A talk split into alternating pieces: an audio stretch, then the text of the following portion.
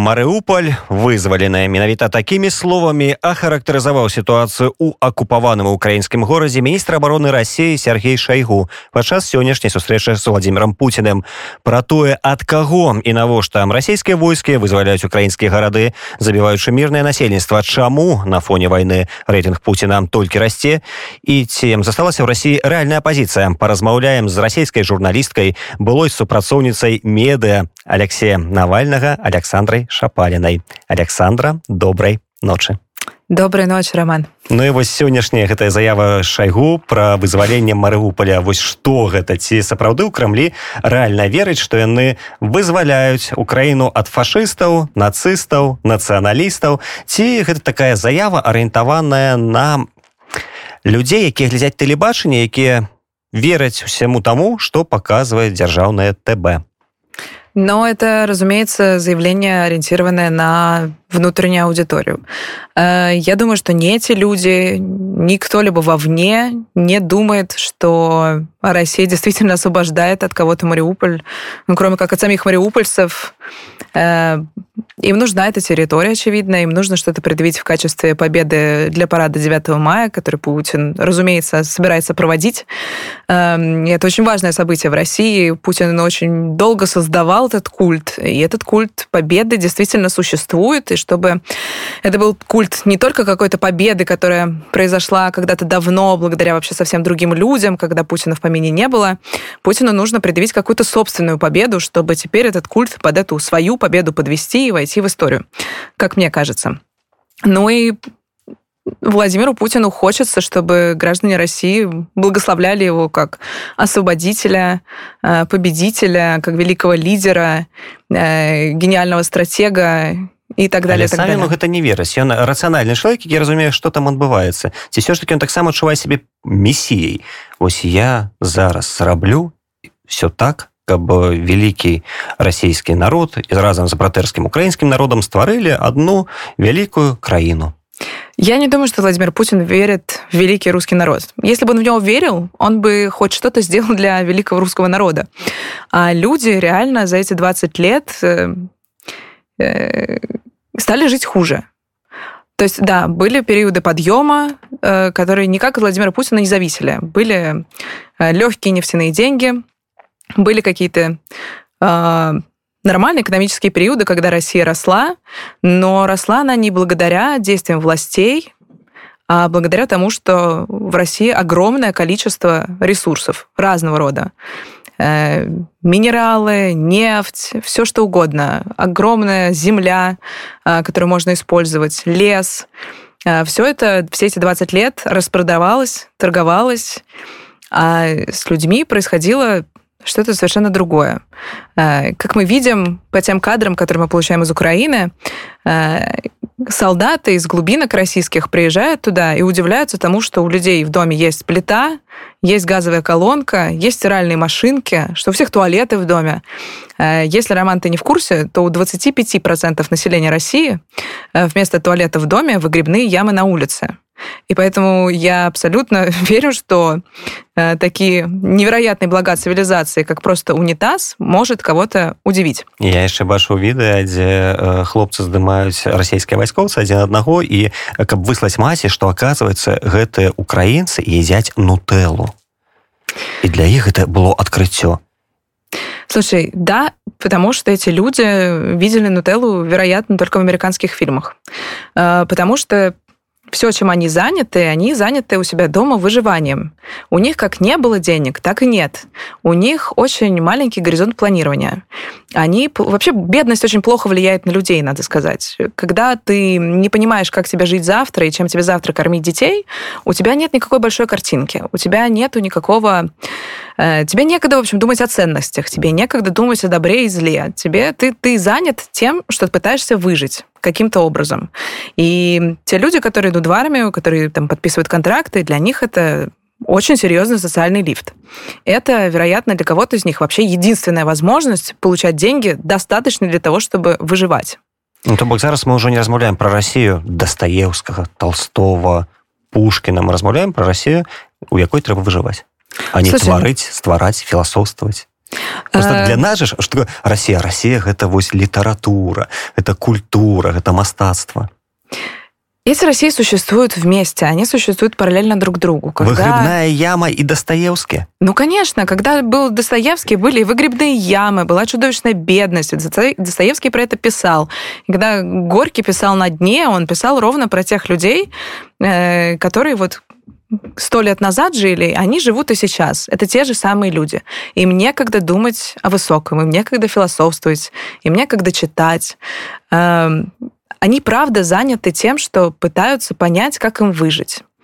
И это очень большая проблема. Проблема, которую должен был решать эти 20 лет Путин, но который предпочитал ее не решать, потому что когда у человека есть некоторая перспектива, когда человек живет достаточно хорошо, чтобы задуматься, а что будет завтра, а как вообще я вижу свою жизнь, а что еще я хочу, тогда человек начинает быть э, он обретает некоторую агентность. Он становится актором. Он начинает думать о политике. Он начинает думать, так, окей, у меня есть вот это, вот это, вот это. Чтобы мне жилось еще лучше, наверное, э, мне нужно выбирать своего кандидата в своем городе, который предлагает лучшую политическую программу, при которой я могу процветать еще больше. Россиянам об этом думать некогда. Не всем россиянам, конечно, но большей части. Владимир Путин не сделал главного, что он должен был сделать. Он не сделал ничего для того, чтобы россияне жили лучше.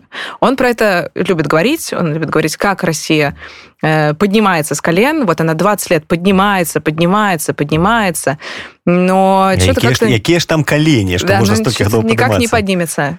И... Ну, в общем, на самом деле это очень грустно, и эти две России, они существуют параллельно, и мне сейчас, конечно, больнее всего за то, что мы это не, не увидели, мы не знали, чем эта чудовищная беда чревата, мы не поняли, что рядом с нами живут люди, э, которым нужна помощь, э, которые не понимают, как им выживать сам, самим, и поэтому, которые готовы ехать в другую страну, э, убивать, мародерствовать, насиловать, чтобы заработать свои там несчастные, не знаю, 700 долларов. Але яны готовы гэтыя люди слухаць, тому что э, ну, у России слово либерал э, гэта нейкае матерное слово. Да, это ругательство. И есть еще слово демшиза. Э, и меня так не раз называли. То есть, да, это какие-то такие непонятные люди, которые озабочены какими-то непонятными проблемами, э, проблемой там свободы слова, проблемой там достойной жизни, какое-то достоинство личности. Якая таким... особо, коли нема за что нутеллу купить. Да, ну то есть вы на розных планетах вот як можна паразумецца людзям якія за высокія каштоўнасці і ты хто выжывае са дня ў дзень И это, конечно, ну, это как раз, это вот проблема тех, кто думает о высоких ценностях. Вот мы сидели много лет, думали о высоких ценностях и не поняли, что нужно позаботиться о людях, которые живут рядом с нами. И это мы должны были сделать, мы этого не сделали, мы это упустили, мы, правда, не поняли, чем это чревато.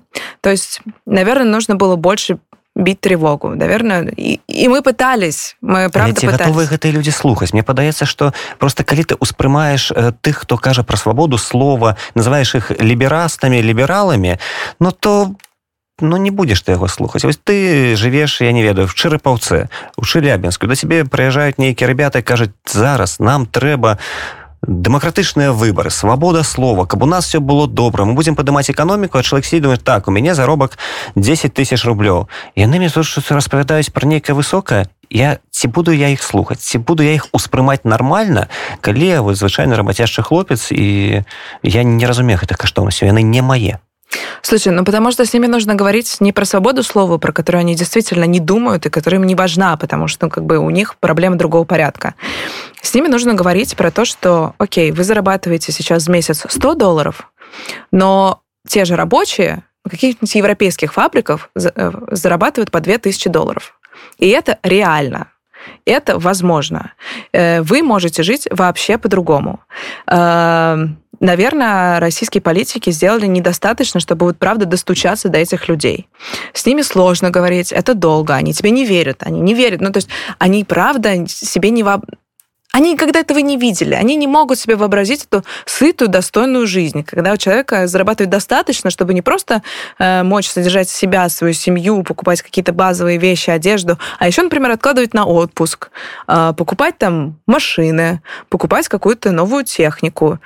Э, рассказывать о том, что это возможно, и это возможно в России, потому что Россия вообще-то богатая страна. С бедными э, людьми. С бедными людьми.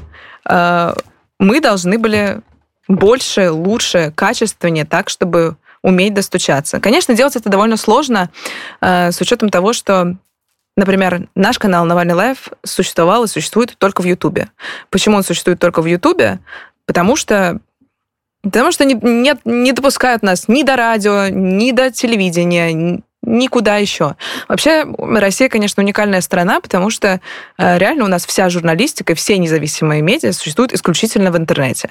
И вот эта интернет-журналистика, расследовательская журналистика, вот эти вот прямые эфиры, но не то чтобы они были изобретены в России, но, наверное, вот такой большой популярности они набрали именно в России. Это был такой Потому что больше ты никуда не можешь пройти. Але ты блочыш YouTube і незалежныя медыа знікаюць як з'ява.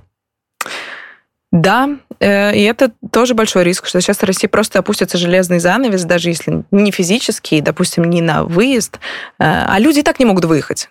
Какая а навошта? А навошта? А ці хочаце на выехаць тому что вельмі часто я живу в России это самая вялікая краіна это вялікая дзяржава я до гэтых пиндосаў ехать не хочу и не буду э, так говорят люди у которых просто нет на это денег а у них реально нет у 70% россиян нет загранпаспортов Потому что он нам не нужен. Потому что они не думают, что он когда-то им может пригодиться.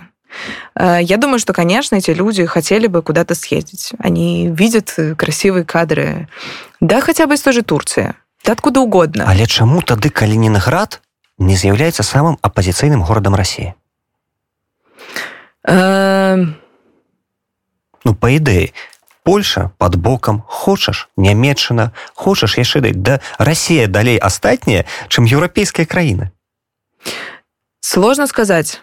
А, Честно говоря, я никогда не была в Калининграде и не знаю, как он существует, но что-то мне подсказывает, что благосостояние людей в Калининграде не сильно выше, чем в других частях России. Але при гэтым э, демократычным горадам можно назвать Хабаровск якія знаходзяцца значна бліжэй да Японіі чым да европейской Польши Ну, может быть, поэтому и есть, потому что он далеко от Москвы, потому что он существует э, практически в другой части света. Он... Э, и рука Москвы до его не дотягивается.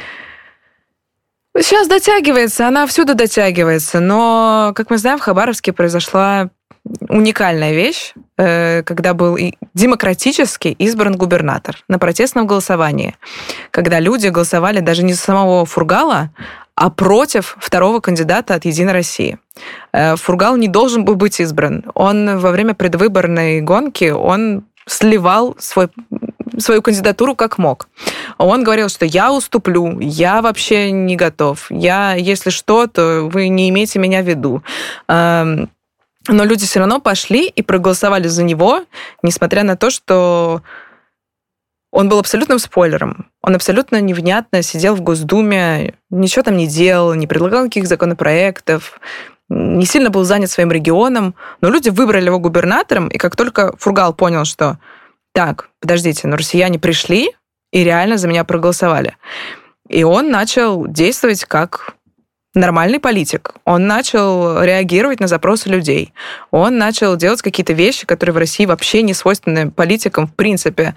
Начал отказываться от э, э, ненужных людей в государственном аппарате. Начал увольнять людей, сокращать зарплаты чиновникам, начал отказываться от бюджетных автомобилей, делать то, что в принципе, надо делать в каждом рэгіёне і Або люди тое, што паказвае свой час э, зеленскі ў сваім фільме слуга народа гэта адзін в адзін вельмі нагадвае гэтую гісторыю калі прыходзіць чалавек э, які не планаваў стаць прэзідэнтам і пачынае дзейнічаць як звычайны абсалютны грамадзянін. Якому не зразумела все гэтыя там бюракратычныя праваложкі навошта мне машына калі я магу без яе? Навошта там кожнаму дэпутату па кватэры? То бок такі нармальны чалавецкі падыход да якога мы не прызвычайныя. Да, абсолютно. Мы к этому не привыкли, мы этого не видели. И, мы видели, что произошло, когда, э, когда рейтинг Фургала в регионе поднялся настолько, что он обогнал Владимира Путина, и его довольно быстро решили посадить. И когда его посадили, люди практически год, э, горожане Хабаровска, выходили на улицы и пытались отстоять своего губернатора которого они выбрали.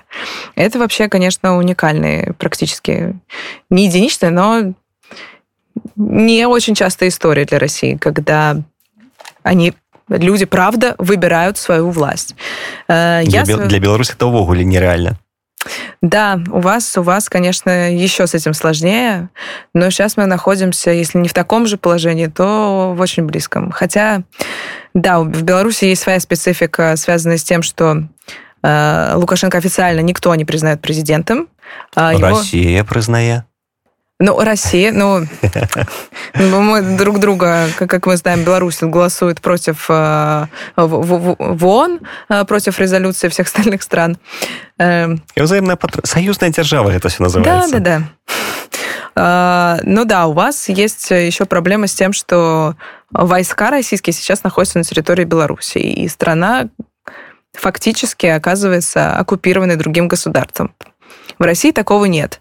Но Россия оккупирована своими же собственными э, властями, если их можна так назваць ну да фактически они являются властью в стране дарэчы таксама цікавы фактор что чым горш тым лепш э, гаворка ідзе про тое что паводле апошніх дадзеных циома літральна за апошні тыдзень э, рэйтинг Пуціна чарговы раз вырас то бок ад пачатку войны ён стала расце і на дадзены момант ён складае ўжо 82соткам то бок за лукашенко столькі галасуюць паводле афіцыйных дадзеных людям становится горш жыць эканоміка падае санкцыі выехаць не можаш а падтрымліваеш тое что робіць Путін як такое можа быць Слушай, ну, во-первых, делаем оговорку, что это опрос ВЦИОМа. ВЦИОМ – это то государственное агентство, которое занимается измерением общественного мнения, и когда, например, они измеряли бедность, и пусть ну, не понравилось, как они померили, через неделю они сделали новый опрос, и бедность сразу упала там на 10%. То есть доверять ему как информационному агентству, вернее, статистическому агентству, я бы не стала.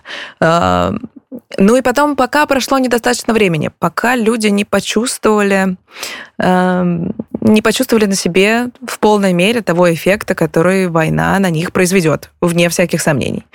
Э, пока эта бедность ощущается не так остро. Да, люди, например, начинают умирать от недостатка лекарств. Э, сейчас не хватает лекарств в хосписах, э, в детских хосписах. Э, не хватает каких-то товаров, которыми привыкли пользоваться в Москве, но, например, их не покупают как нутеллу в других регионах.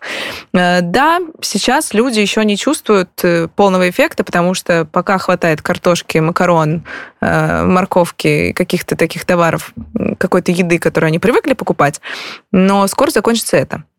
Когда люди почувствуют на своих холодильниках, что жизнь вообще-то что-то стало хуже, але ці адчуюць таму что калі прыязджаюць трумны з забітымі сынамі бацькі кажуць ну мой сын ваяваў за айчызну за нашу радзіму то бок каштоўнасць дзяржавы чамусьці вышэй за каштоўнасць сям'і. І гэта не адзінкавыя выпадкі. Не адзіночные да. Это сложный вопрос потому что мне это глубоко непонятно. Я понятно, что у меня несколько иные ценности. Эм, я не знаю, как, как, как работает сознание в эти моменты, но, наверное, могу только предположить, что человек настолько чувствует себя ничтожным всю жизнь, и единственное, в чем он может почувствовать некоторое свое величие, это вот величие страны, государства. Это вот, да, я живу бедно, я в нищете, мой сын погиб, эм, мои перспективы абсолютно призрачные, а скорее всего, они очень-очень горькие. Эм, но зато Россия, зато страна. Мессия. Такая вось. Ну, Хто, калі не мы? Слушай, да, но потом Владимир Путин реально много лет это создавал. Когда он пришел э, снова к власти после рокировочки с Дмитрием Медведевым, в 2012 году появилось словосочетание «традиционные ценности». До этого его никто не употреблял так широко. То есть это было просто какие-то два слова. А потом это стало такой идеологемой, которая обрастала э, все, все даже не хочу говорить смыслами, потому что смысла на самом деле в этом очень мало. Никто, никто, никто тебе не скажет, что такое традиционные ценности. Они традиционные для кого? Для Советского Союза, для имперской России. Для кого они традиционные? Потому что это были очень разные государства с очень разными ценностями, с очень разными идеологическими основаниями для существования самой страны.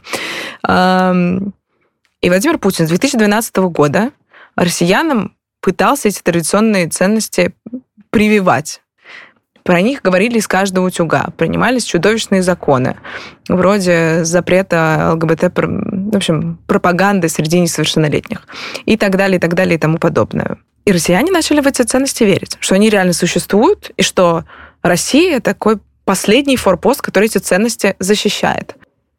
При этом реально ни один человек тебе не скажет, вот нет никакого перечня этих ценностей. Так само, как сейчас был план Путина победы России. Что за план Путина, никто не ведал, или все реально верили, что Россия переможет за этим планом? Ну, да, да. Э, цели непонятны, план не ясен, но... Але ён ёсць. Да, и, но все идет по плану но никто на план не объявлял. Ну, то есть, и поэтому, поэтому говорить можно вообще все, что угодно. Россияне будут в это верить, потому что Э, в том числе все эти годы выхолащивалось э, образование. Людей не учат думать, людей не учат критическому мышлению. Им сложно лавировать между потоками информации, а тебе ведь постоянно...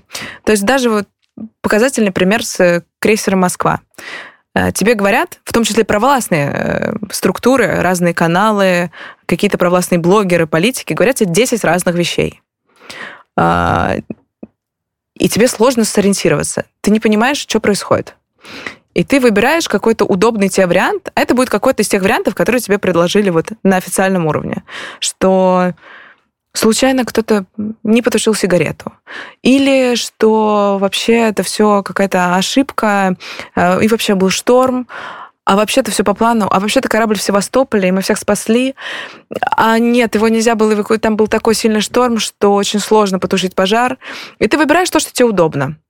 Но как бы все эти версии плюс-минус будут э, в логике того, что государство э, хочет сообщить э, своим своей аудитории внутри страны. Але ёсць аўдыторыя ўнутры краіны, але ці ёсць нейкія галасы э, таких назовем таким чынам як адэкватных людзей якія разумеюць што адбываецца якія не падтрымліваюць дзеючую ўладу і якіх маглі б пачуць масы вось такія лідары меркаванняў за кім бы маглі пацягнуцца расейцы каму б яны маглі поверыць і маглі б давяраць такие люди есть а с другой стороны ну вот тебе например кто-то, кому ты сильно доверяешь, какой-нибудь артист, актер, политик скажет, что, слушайте, Россия творит чудовищные вещи. Э, происходит военное преступление. Российские солдаты насилуют женщин, насилуют детей, убивают людей. Э, что ты будешь дальше с этим делать?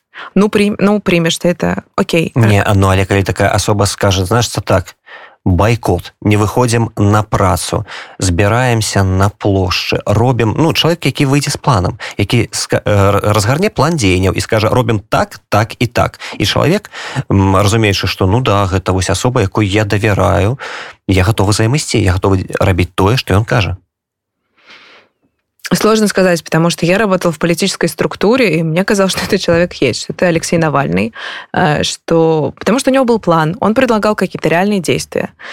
Але, а... але мне здаецца, што вось Алексей Навальны ён для России занадта прыгожы, занадта разумны, занадта заходні. Ну вот не маў ім вот такой какой-то вот расійскай глыбінкі вы чтоб вот ну, чалябінскі хлопец. Калі глядзець на алексея навальнага мне здаецца ён не бачыць ім свайго такога лідара. А вот Путін наш ён это ён моль ён такі шэранькі неўзрашненькі такі як я думае гэты хлопец. Эм, а навальны ўсё ж таки занадта еўрапейскі занадта не наш. Ці я могу памыляцца але ёсць такое меркаванне да нет алексей навальный мне кажется как раз очень очень российский очень русский эм... Очень это русский Владимир... это Зюганов. Очень русский это вот Зюганов. Э, Владимир Путин служил э, в Германии, говорил свободно на немецком, общался с Ангелой Меркель, просто э, беседовал с ней практически на «ты». И это все вопрос имиджа, вопрос того, как, как, как ты умеешь свой, себе себя преподать. Но Сложные вопросы ты, Роман, задаешь, потому что мне бы хотелось верить, что такие люди есть, которые способны э, не только предоставить некоторый план действий, но и вывести людей на улицы. Но пока это невозможно. Пока есть огромная репрессивная машина, которая перемолит, даже если в Москве 2 миллиона на улице выйдет, э, сложно сказать, что люди послушают кого-то даже кого кому они очень сильно доверяют але расійскі лад таксама будуць разганяць пратэст так як это было ў беларусі гвалтоўным чынам са зброяй калі спатрэбіцца да э, абсолютно в этом уверена как человек который не раз посещал э, митинги в центре москвы э, массовые митинги когда выходило очень много людей больше 100 тысяч то есть я понимаю что это не очень большая цифра для даже, в общем, для Минска не такая большая цифра. Да, у вас на, выходило у нас больше. 400 выходило. Да, но... Да, честно говоря, у меня, к сожалению, ощущение, что это репрессивная машина, которую Путин 20 лет взращивал, и она сильно превосходит в силе, в оружии, в готовности убивать. Потому что либералы, Э, выходящие на улицу, они не готовы бросать коктейли Молотова, потому что они носители других ценностей. Они не готовы убивать э, за то, чтобы что-то поменялось. Они и, готовы и выйти... это разумеюсь. Да, и они это понимают. Потому что они готовы чем-то жертвовать, они готовы выйти и пожертвовать своей свободой, своей безопасностью, но они не готовы сами совершить преступление. И... А те люди, которые разгоняют митинги, они не являются носителями этих ценностей. Им абсолютно все равно, что они давали присягу российскому народу, который они должны защищать. Э, им все равно, что они могут сами нарушать законы. Им все равно, для их целей они готовы использовать любые средства. То есть люди, которые идут в полицию и которые э, составляют фейковые протоколы, там, на меня в том числе, когда меня задерживали, они понимают, что они действуют незаконно, но им все равно А что ты мне зробишь? Такий эффект гопника. Ну, то есть они понимают, что они в позиции силы. Я ничего не могу им сделать. Э, а они мне могут. И они чувствуют полную безнаказанность, потому что власть их поддерживает. А, ну, калі мы кажам пра ўладу зразумела, а ці засталася ў рассіі нейкая такая рэальная апазіцыя Потому что ну я памятаю апозіцыя гэта там 90 яўлінскіх камада э, немцоў хто цяпер навальны зразумела а яшчэ і нехта ёсць ж 150 мільёнаў чалавек хто прадстаўляе інтарэсы альтэрнатыўных э, альтэрнатыўныя погляды я честно говоря даже не знаю кто сейчас вообще остался в России э, из таких значимых фигур огромное количество оппозиционеров просто уехали потому что Ну, потому что ты понимаешь, что ты в любой момент можешь умереть. Уехали ну. пасля? Есть некая такая кропка отлику? я думаю, что было несколько волн. Первая волна была после 2014 года. Тогда уже некоторые люди поняли, что... Оговорка про Крым. Так? Да, да, да, да, да. Э, после аннексии Крыма многие поняли, что это какая-то черта, за которой они не могут э, зайти, и они не могут дальше в России существовать.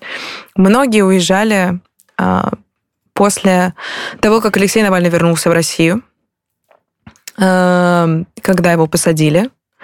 Это тоже стало таким рубиконом, когда ты понимаешь... Ну, во-первых, ты, зная историю, как Навального хотели отравить, и, собственно, отравили, просто не удалось э, добить, э, ты понимаешь, что ты не в безопасности нигде нигде в России ты не в безопасности, и быть политиком в России просто невозможно.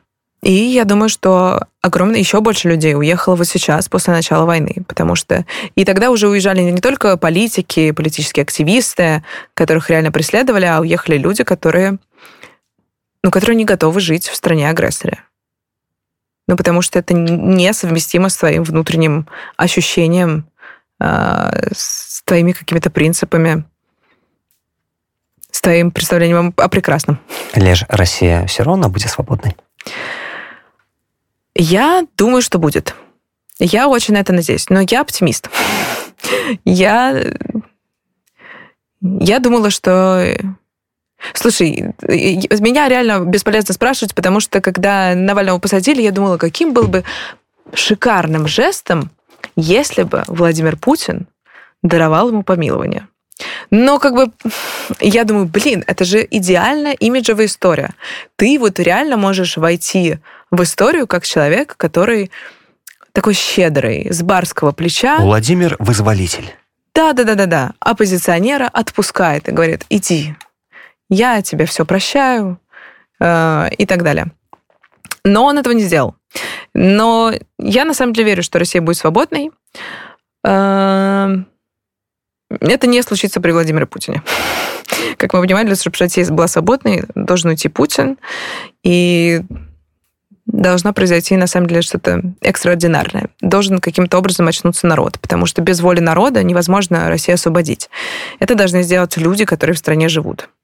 Не может прийти какой-то там наместник Владимира Путина, который окажется вдруг очень либеральным и демократичным э, и таил в себе все эти годы вот эти вот ценности, носил их в себе, взращивал, и вот он пришел, стал президентом в России после Владимира Путина и освободил Россию. Нет, э, ты становишься свободным тогда, когда ты выбираешь быть свободным. Когда россияне это сделают, сложно сказать, но почему-то мне кажется, что война, которую развязал Путин, этому поспособствует, потому что, возможно, до людей наконец дойдет, что вот эта сильная рука, которую они все эти годы так хотели, э, так холили или лелеяли, что она им аукнулась. На гэтай пазітыўнай ноце мы закончым нашу размову бо час на вялікі жаль ужо таксама падышоў до конца. І нагадаю нашим слухачам што госцей радыонет была расійская журналістка александра шапаліна жить